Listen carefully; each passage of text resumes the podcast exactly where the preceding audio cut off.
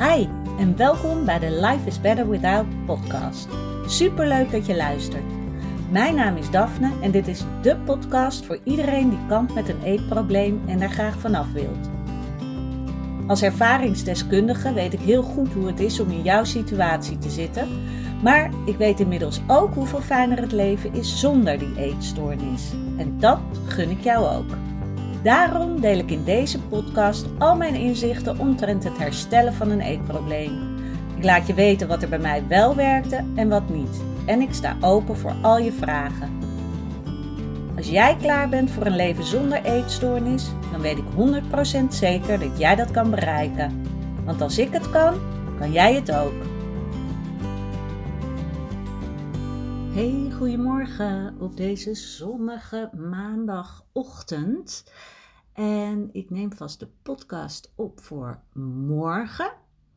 En uh, waar ik het deze keer over wil hebben, is misschien, uh, als je me volgt op Instagram, heb je vorige week misschien wel gezien dat ik stories had gepost over de documentaire uh, of aflevering die ik had gezien van Pointer van de Is dat, van de KRO en CRV. En daarin ging het over, um, ja, de aflevering heette In de greep van anorexia. En het ging erover hoe het kan dat um, in dit geval jongeren eerder, uh, soms eerder in het ziekenhuis belanden dan in een behandelcentrum. En um, nou ja, eh, lang verhaal kort, dat ging erover dat de wachtlijsten enorm lang zijn. En dat is dus niet alleen voor jongeren, dat is voor iedereen. Want een eetstoornis komt niet alleen voor bij jongeren.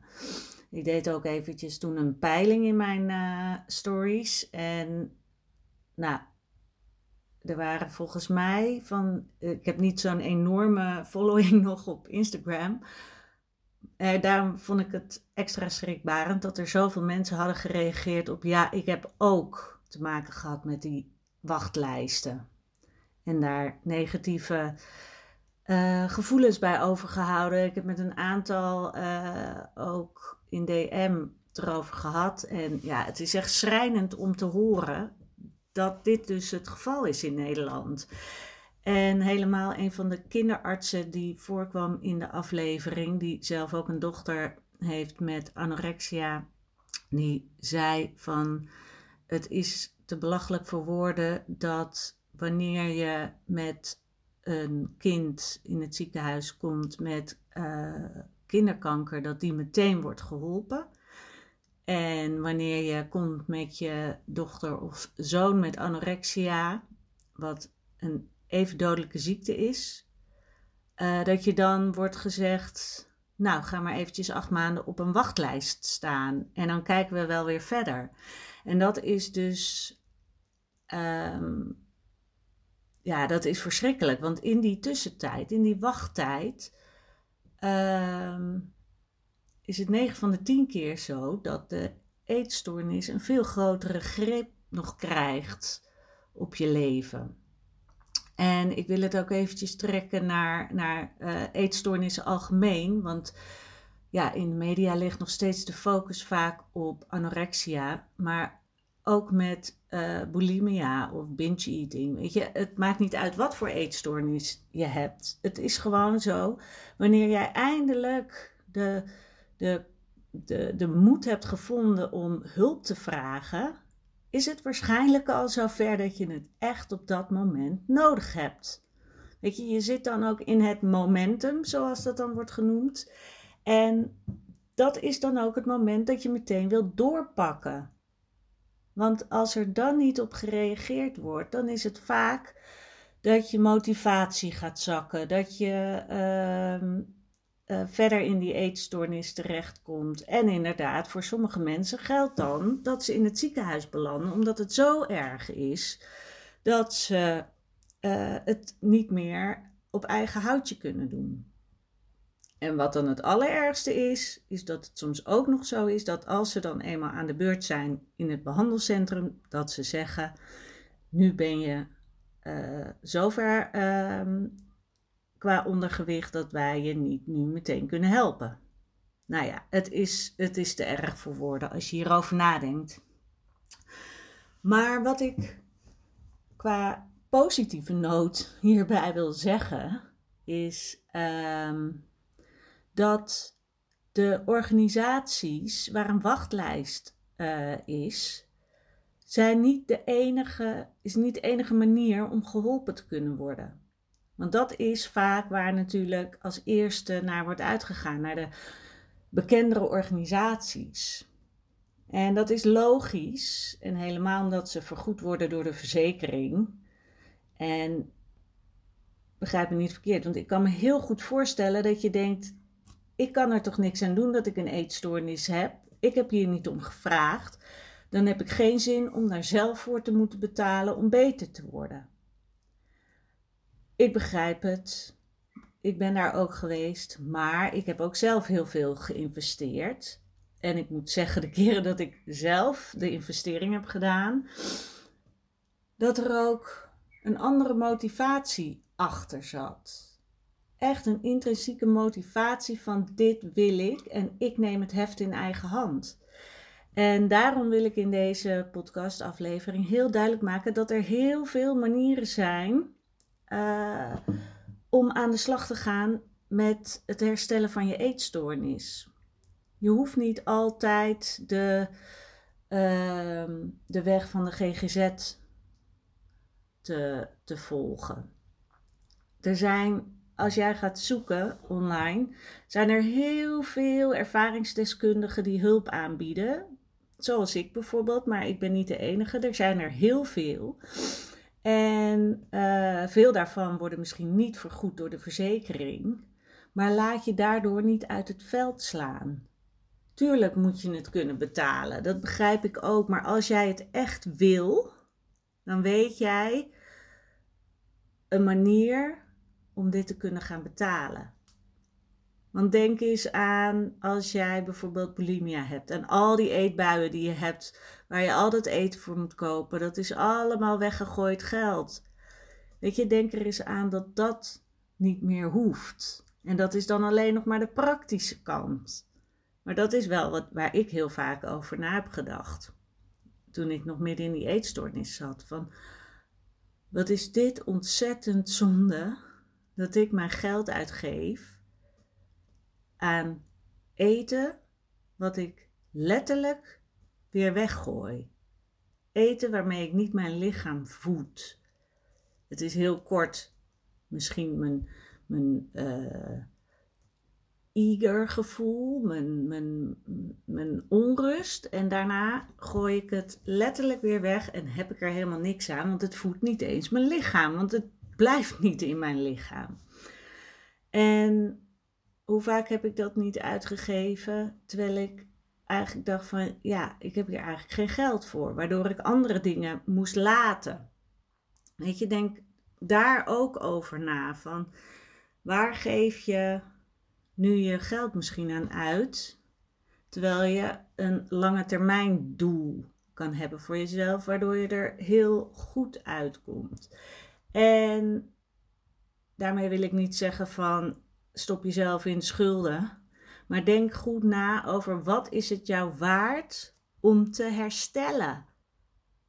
Want je kan dan inderdaad wel weer je lot in andermans handen leggen en dan uh, de schuld geven aan de wachtlijst waar, waarom jij niet al aan de slag kan gaan. Maar dat is niet nodig, want er zijn heel veel mensen die jou kunnen helpen die geen wachtlijst hebben. Dus ik ben heel benieuwd um, ja, hoe jij hierin staat. Hoe dit voor jou voelt. Voel je dan van een soort, uh, ja, hoe zeg je dat? Een soort agressie van wat nou? Ik ben het toch waard om gewoon geholpen te worden door de instellingen die vergoed worden? Of denk jij, nee, inderdaad, ik ga het heft in eigen hand nemen. Ik kan dit zelf. ik sta voor wie ik ben en ik vind het waard om te investeren in mezelf. Want dat is wat je dan gaat doen. En zodra je zelf die investering gaat doen, wat ik zelf ook heel erg heb gemerkt, dan ga je er dus ook veel krachtiger in. Omdat je die eerste keuze al hebt gemaakt vanuit een, een soort zelfvertrouwen, een, een uh, zelfliefde omdat je dat jezelf, aan jezelf geeft. Je vindt jezelf het waard. En dat is het. Jij vindt jezelf het waard om van die eetstoornis af te komen. Om een vrijer leven te leiden. Om niet meer alleen maar bezig te zijn met eten, niet eten, eetbuien, boven die play hangen, boodschappen moeten doen voor een eetbui. Uh, niet meer um, willen afspreken met vrienden, omdat je alleen maar bang bent van, oh, dan moeten we straks zeker eten en wat moet ik dan doen en hoe lang gaat dit duren? Allemaal dat soort dingen. Weet je, dat is niet wat je met het leven wil. Het is zo zonde, er is zoveel meer. Dus als jij hulp nodig hebt, dan kan je die altijd vinden. Altijd. Dus zeg niet van, uh, ik, ik krijg het niet voor elkaar, want er is geen hulp. Er is hulp. Als je bijvoorbeeld ook kijkt op, um, kijk hoe heet die website? Eetstoornisvrij.nl volgens mij. Wacht even, ik heel even dubbel checken of dat hem is. Eetstoornis. Ja, eetstoornisvrij.nl. Daar staan heel veel uh, praktijken en klinieken en coaching en ervaringsdeskundigen die allemaal hulp aanbieden. En dus als je daar kijkt, kan je zeker iemand vinden. En je bent bij mij uiteraard heel erg welkom. Weet je, ik zou je echt met liefde helpen. Uh, zelf heb ik uh, dus heel lang bulimia gehad. Dus dat is, nou, om het maar even zo te zeggen, mijn expertise. maar zo, zo, zolang jij, zodra jij je goed voelt bij mij, dan maakt het niet uit. Want we gaan dan echt aan de slag met ja, jouw zelfvertrouwen die boost geven ervoor zorgen dat jij weer weet wie je bent. Dat jij weet hoe jij de touwtjes in handen kan krijgen in plaats van die eetstoornis. Want dat is het allerbelangrijkste. Dat je die mindset gaat shiften. Dat jij niet een zielig vogeltje bent. Dat jij niet, uh, ja, in de, in de ban gehouden hoeft te worden door die eetstoornis. Want jij bent veel sterker dan je denkt. En ik merk ook vaak dat, ehm, en ik had het zelf ook, dat je denkt, oh ja, maar ik kan ook niks. En ja, nou, uh, ik kan er niks aan doen dat ik die eetstoornis heb. En ik kan het niet tegengaan. Nee, dat is ook het gevoel. Dat je een soort van overmand wordt. Maar daar kan je uitkomen. Dat is het mooie. Maar je zit zo in je eigen wereldje dat je niet weet hoe je eruit moet komen. En daarom heb je iemand nodig om jou daarin te kunnen begeleiden. Je gaat het zelf doen. Maar het is zo fijn om iemand te hebben die jou de tools geeft, die jou de inzichten geeft, door vragen te stellen, waardoor jij zelf dus die inzichten krijgt en weet welke richting je uit wil. En daarnaast uh, kan ik je ook uh, gaan helpen mocht je uh, bepaalde trauma's hebben of bepaalde angsten. en daarin werk ik dan met de matrix-methode. Ik ga je nog een keertje een hele podcastaflevering aan wijden. Maar het mooie is met de matrixmethode, als jij iets hebt beleefd wat, wat, ja, wat jou nog zo in de tang houdt als het ware, waar jij nog zoveel last van hebt, dan kan ik jou helpen zonder dat jij hoeft te vertellen wat het is. En dat is zo fijn als jij iemand bent die inderdaad er niet van houdt om heel veel te praten over die dingen. En helemaal als het hele moeilijke dingen zijn, maar waar jij nog wel heel veel last van hebt. Ik ga jou uh, dan helpen met een. Ja, op het eerste gezicht lijkt het een hele simpele methode, maar het is een hele sterke methode. Waarin ik jou help de systemen in jouw hoofd als het ware opnieuw in te gaan delen. En dat doe jij helemaal zelf. We gaan van bepaalde gebeurtenissen de trigger eraf halen, waardoor je het als neutraal of positief kan gaan ervaren. En ik weet, het klinkt te simpel voor woorden, maar het helpt echt. Dus het is echt heel effectief. Dus dat zit er ook nog bij mijn ehm, coaching bij. Dat als jij angsten, trauma's, maar het kan dus ook inderdaad als jij een bepaalde angst hebt voor een bepaalde, bepaald voedsel, weet je, dan kunnen we daar ook mee aan de slag. En dan kom je daar ook positiever uit. En nou ja, ik weet zeker dat dit echt, echt life-changing gaat zijn voor je. En omdat ik uh, nu nog werk met ehm, eh, losse sessies. En je kan er dan inderdaad wel vijf of tien uh, in één keer kopen. Maar daarom wil ik nu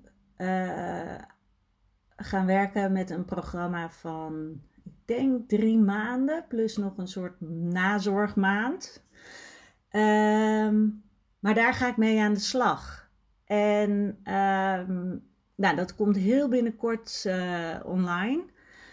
Ga ik dat naar buiten zetten. Mocht je al interesse hebben, geheel vrijblijvend, dan krijg je gewoon informatie zodra het programma bekend is.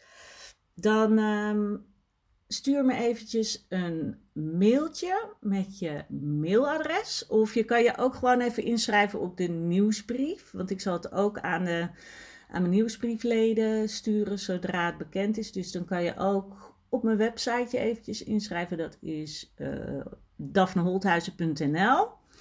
En als je daar dan even inschrijft, dat is als je het uh, e-book aanvraagt. Dus als, mocht je dat al hebben gedaan, dan krijg je sowieso uh, de informatie. Heb je dat nog niet gedaan, dan kan je daar eventjes een mailadres invullen. Dan krijg je ook nog mijn e-book gratis toegestuurd. En dan krijg je dus als een van de eerste de informatie over het nieuwe traject wat ik ga samenstellen. En ik ben ook heel benieuwd wat jouw ideeën over dit hele onderwerp zijn. Over uh, inderdaad zelf een investering moeten doen in hulpvragen en um, of je überhaupt wist dat er inderdaad nog zoveel meer mogelijkheden zijn dan de standaard ehm, instanties en klinieken in Nederland. Want dat is denk ik ook iets wat helemaal nog niet zo wijdverbreid uh, bekend is. Dus um, nou, ik ben heel benieuwd naar jouw ervaring. En mocht je iets willen delen, graag. Uh, je kan me vinden op Instagram, live.is.better.without. En, je, en anders stuur je me inderdaad een mailtje via mijn website. Kan ook allemaal. En nou, deel deze aflevering zeker als je meer mensen wil laten weten dat er andere mogelijkheden zijn dan de standaard klinieken en instellingen in Nederland. Dat doe je bijvoorbeeld door een screenshot te maken van deze podcast en te delen in je stories. Of uh, stuur de link naar iemand. Weet je, het is zo belangrijk dat mensen weten dat er meer hulp is dan ze wellicht denken. En zoals ik al zei, ik ben niet de enige. Er zijn er nog veel meer. Het is gewoon even zoeken online en dan heb je het eigenlijk al. Dus uh, nou, ik hoop dat ik je hiermee ook een beetje geïnspireerd heb om ja, zelf het heft in handen te nemen, wat dat betreft, voor jouw eigen hulp, wat jij verdient. En dat je er dus echt zelf voor kan gaan. Oké, ik ga afronden. Ik ga lekker deze maandag beginnen. En dan uh, spreek ik jullie weer bij de volgende podcast. Hele fijne dag.